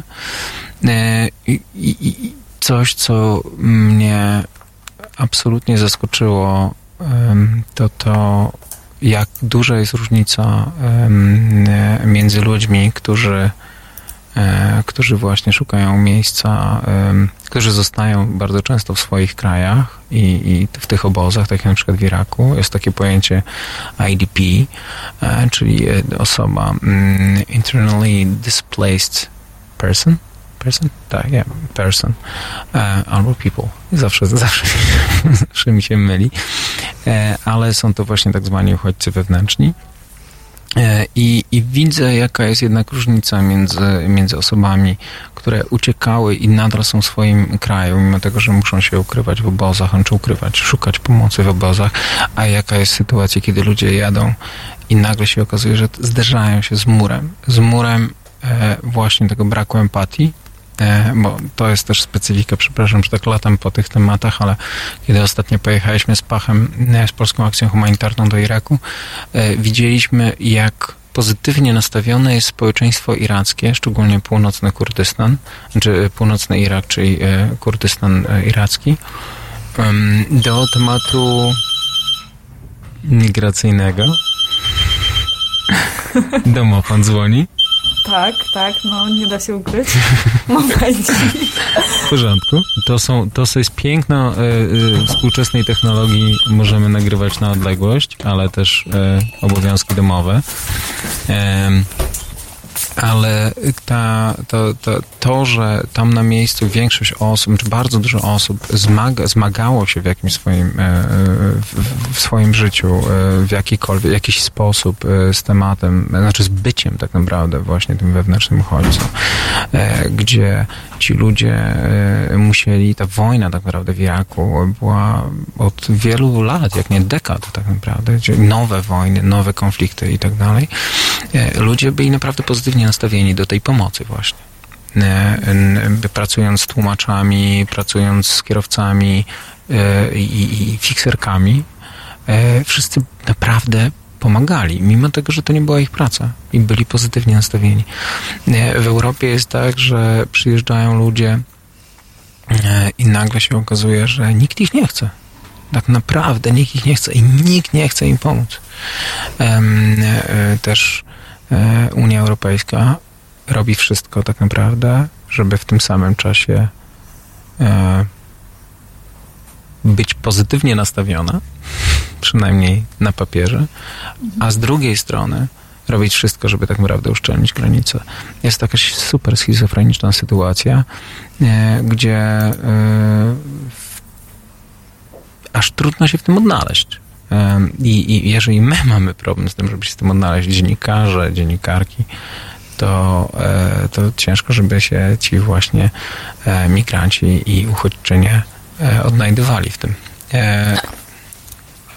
Przepraszam, Czym ja jestem gadułą, musisz mi Czym przerywać. to skutkuje według ciebie, że Unia blokuje, e, blokuje wjazd migrantów i na przykład płaci Turcji, żeby w Turcji migranci pozostawali. Y, y, Ja na przykład y, też niedawno byliśmy też właśnie z Minority Rights Group byliśmy mm, na północy Afryki w enklawach hiszpańskich na granicy marokańsko-hiszpańskiej. Tam badaliśmy w pewnym sensie, szukaliśmy informacji na ten temat i nagle się okazuje, że Unia Europejska płaci y, y, Maro, ma, Maroku? Maroku. Maroku. Em, e, gigantyczne dotacje na uszczelnienie granic ze strony marokańskiej. E, Więc e, nie trudno się domyślić dlaczego, bo jest to po prostu tańsze. Po stronie europejskiej, po stronie e, jakby unijnej, my mamy rozporządzenia, my mamy konkretne e, prawa unijne, my mamy silnie rozbudowany e, system e, ochrony e, praw człowieka, E, my mamy deklaracje, my mamy konwencje i tak dalej, i tak dalej. Po stronie e, marokańskiej Hmm, już tego nie ma tak do końca. Jest duża korupcja. E, Dużo łatwiej jest e, dużo łatwiej jest przeszkadzać w pewnym sensie, e, e, znaczy blokować tak naprawdę działania dziennikarzy czy, czy, czy innych osób, które chcia, czy aktywistów, którzy chcieliby pomagać, którzy chcieliby e, nagłaśniać sytuację. To, to jest, no, no, jeżeli zaczniemy o tym myśleć w ten sposób, to jest przerażająca sytuacja. To znaczy, że, że płacimy tym, którzy mogą bezkarnie tak naprawdę łamać prawa człowieka, czy tak jak też powiedziałeś, chociażby w Turcji. No, ciężko, nie, nie, nie, nie- wygląda to e, na, e, na działania w duchu e, tych praw człowieka, które są podstawą tak naprawdę też unijnej współpracy. Mhm. A kiedy ty wyjeżdżasz i fotografujesz mm, sytuację w obozie dla uchodźców, czy masz takie poczucie czasami, że, mm, że to jest też, e, e, czy że to jest em, tworzenie, znaczy jakby dokumentowanie takiego, nie chcę użyć brzydkiego słowa, Używaj, używaj.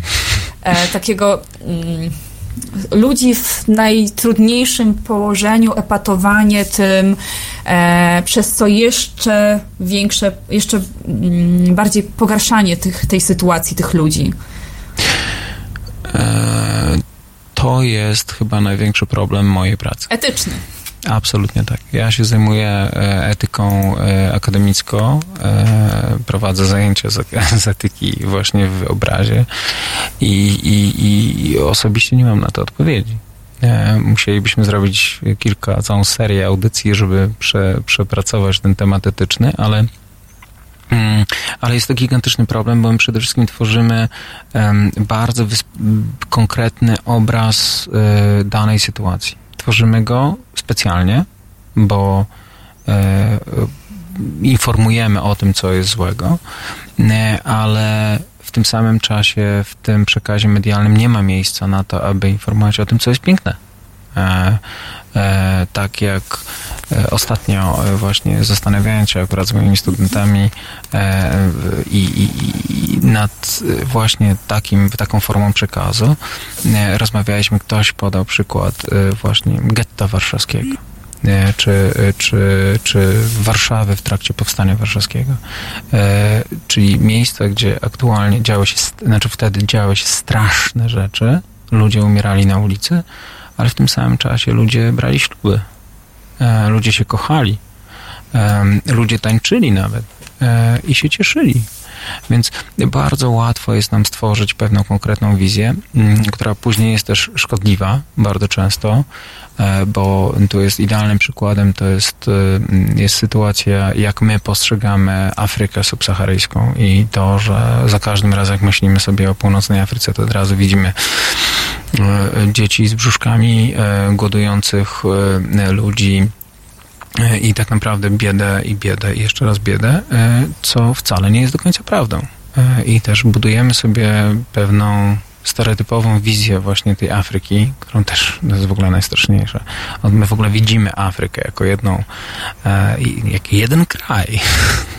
to dzisiaj mnie to Tak, śmieszy. tak, nam się, z, nam się zlewa to i Tak. stąd... e, Ale, ale, no. ale, ale tworzymy sobie takie obrazy, bo my po prostu też y, potrzebujemy tworzyć sobie pewne uproszczenia, takie systemy poznawcze, które pozwalają nam się jakkolwiek odnaleźć w tym natłoku wszystkich informacji, ale my też y, tworzymy te obrazy, tworzymy te obrazy właśnie tej ciężkiej sytuacji w obozie, dlatego, by pomóc w tą informację ponieść dalej. Oczywiście e, musimy być super świadomi tego, jak to robimy. Jednym z największych problemów zawsze dla mnie jest to, że fotografowanie dzieci. E, e, To, jak my fotografujemy dzieci, jest e, czasem przerażające, e, bo my, e, w sensie my, mówię my, my dziennikarze, dziennikarki, fotografowie, dokumentalistki i tak dalej, e, bo traktujemy, znaczy nie, nie, nie, nie- bierzemy pod uwagę tej podmiotowości tych, e, tych istot tak naprawdę, małych ludzi, którzy mają takie same prawa jak dorośli ludzie, ale którzy nie do końca zdają sobie sprawę z tego, co my z tym zrobimy. I dorośli ludzie z większą łatwością mówią nam nie, odmawiają nam. Dzieci nie.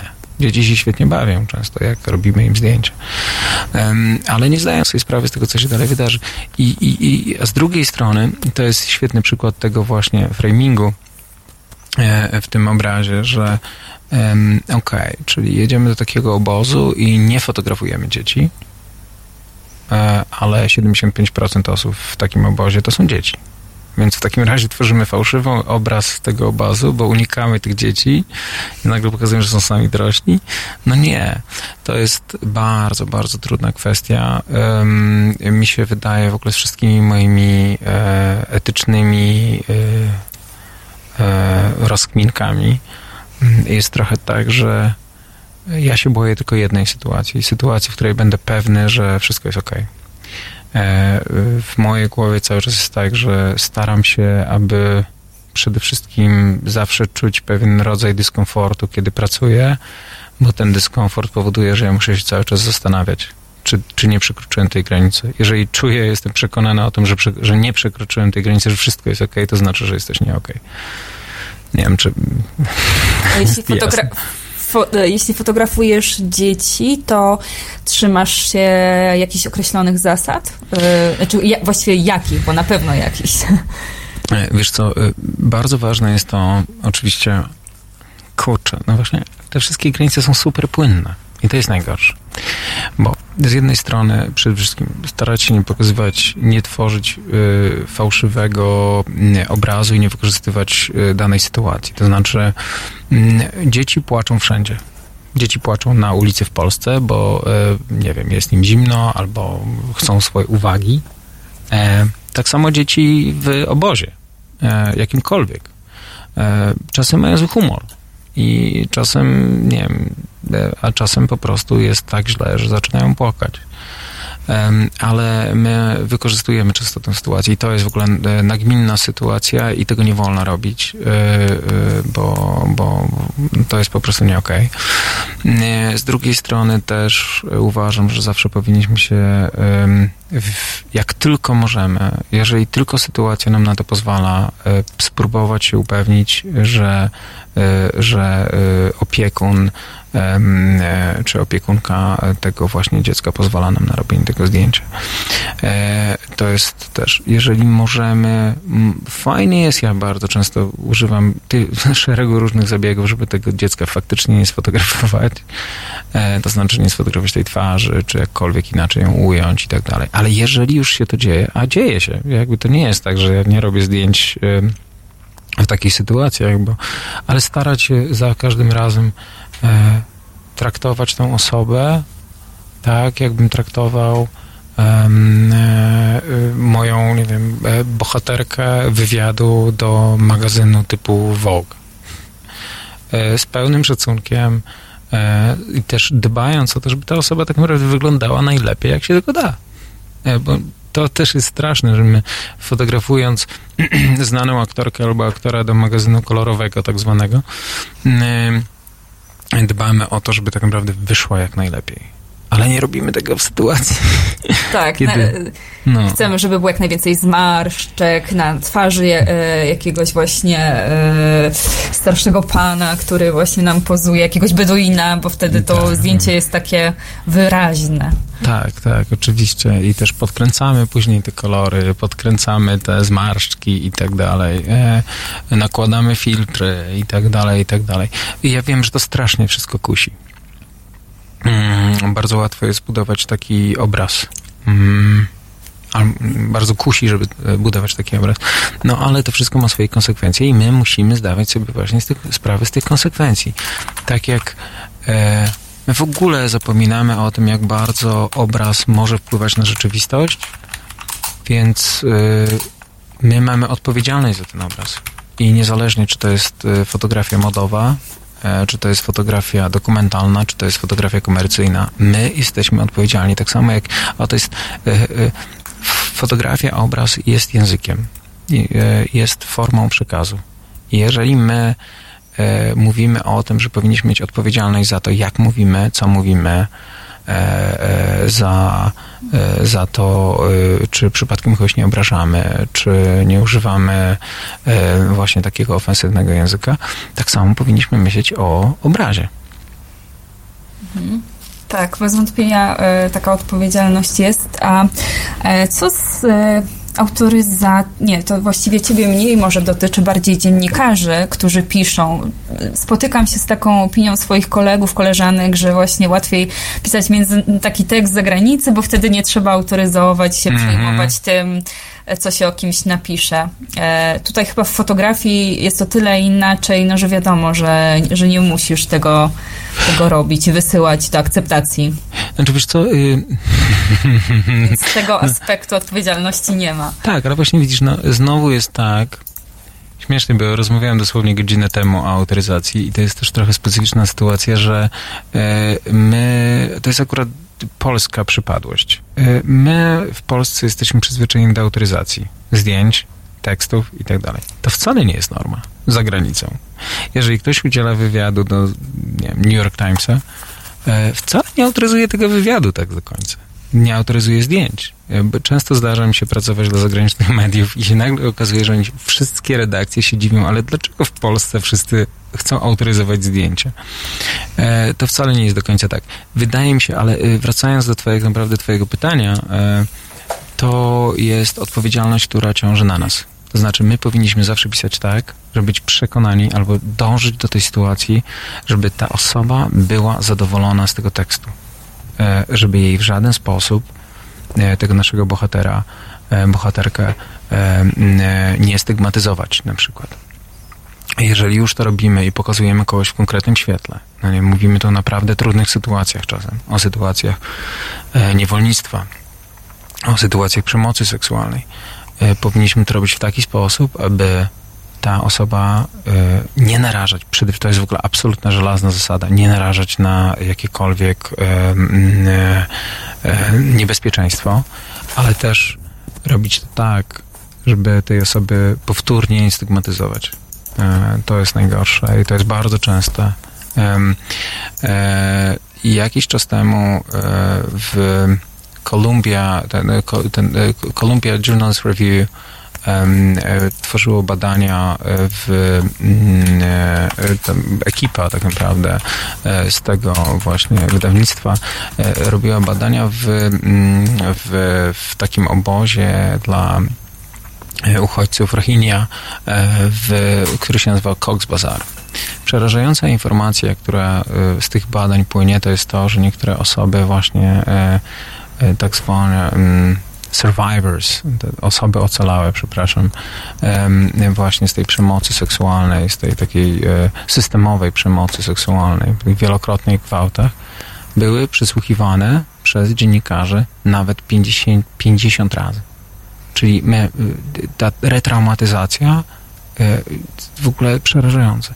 Tylko, i to nie jest zła wola dziennikarzy i dziennikarek, tylko to jest brak tej, tej refleksji nad tym, żeby się zastanowić, czy my robimy to, oczywiście każdy z tych osób, jestem przekonany, wierzyło w to, że niesie właśnie tą informację i właśnie raportuje i tak dalej. E, Hmm. E, ale jakim kosztem, jaką, za jaką cenę? E, Myślę, że tutaj akurat e, to bezpieczeństwo i ten komfort psychiczny tej danej osoby, z którą my rozmawiamy, jest ważniejszy. Można to zrobić inaczej. To jest oczywiście mm, szalenie trudna sytuacja i jakby to też czasem przyjmuję ton osoby, która, która ma pewne rozwiązania i ma pewne rzeczy przemyślane. Absolutnie tak nie jest. Ja myślę, że e, to jest, e, e, to jest bardzo trudna kwestia, jak pracować. I, I myślę, że nierozwiązywalna. A jaka jest tw, two, e, twoja cena, którą ty płacisz po wizytach w obozach dla uchodźców, w miejscach konfliktów, e, takich miejscach, które z pewnością nie tylko utrwalają się na fotografiach twoich, ale też w twojej głowie? Ojej. To jest, to jest ciężkie pytanie. E, To jest bardzo ciężkie pytanie, e, ale e, ostatnio czuję, że koszt jest coraz większy. Nagromadziło się. Tak, znaczy to się wszystko gromadzi. Trudno jest naprawdę wracać do, do rzeczywistości w sytuacji, kiedy my naprawdę żyjemy w gigantycznym uprzywilejowaniu. Ja zresztą też e, moja historia jest taka, że ja tak naprawdę na samym początku, zanim zacząłem robić zdjęcia, pracowałem z tematyką praw człowieka i zajmowałem się aktywizmem. E, Więc to też jest pewna forma e, tego, tego samego działania w pewnym sensie. Ale kiedy, mm, kiedy kiedy my wracamy do właśnie tego uprzywilejowania, e, jest bardzo, czasem jest bardzo, bardzo trudno się odnaleźć. E, I też e, absolutnie mm, może się to źle skończyć, mm, bo też mm, wszyscy się wypalamy, zawodowo się wypalamy, niezależnie od tego, czy pracujemy w, w korporacji, czy pracujemy, my jesteśmy wo, wolnymi strzelcami, ale ale mm, tu też często rozmawiam akurat z y, właśnie aktywistami, zawodowymi aktywistami, ludźmi pracującymi w NGO-sach i y, y, ostatnio tak sobie często wraca to porównanie, że z taką pracą jest trochę jak z byciem sportowcem. E, Trzeba wiedzieć, kiedy zrobić czas na regenerację, kiedy się dobrze odżywiać, kiedy się wysypiać, kiedy wracać i też umieć to wszystko przepracować, e, żeby też o tym, na ten temat rozmawiać, e, żeby mm, e, budować jak najlepsze relacje w domu z partnerką, z partnerem, gdzie też ta druga osoba musi nas rozumieć. Karolu, Trudne. z tym apelem, bo już jeden był dzisiaj e, od Karola skierowany do Państwa, bądźmy mili, a teraz nie wypalajmy się i dbajmy o równowagę. E, Zostawię Państwa. E, Dziękuję Karolowi Grygorkowi, fotografowi dokumentalnemu za wizytę e, w dzisiejszej audycji. Z Państwem była Agnieszka Żądło, a teraz posłuchamy e, Blind Leading and Blind, Mumford and Sons. Dzięki. Hej. W niedzielę Od 21 do 23 do świata swoich fascynacji dokumentalnych zabierze Państwa reżyser i aktywista obywatelski Konrad Szołański. 21, 23. www.halo.radio. Słuchaj na żywo, a potem z podcastów.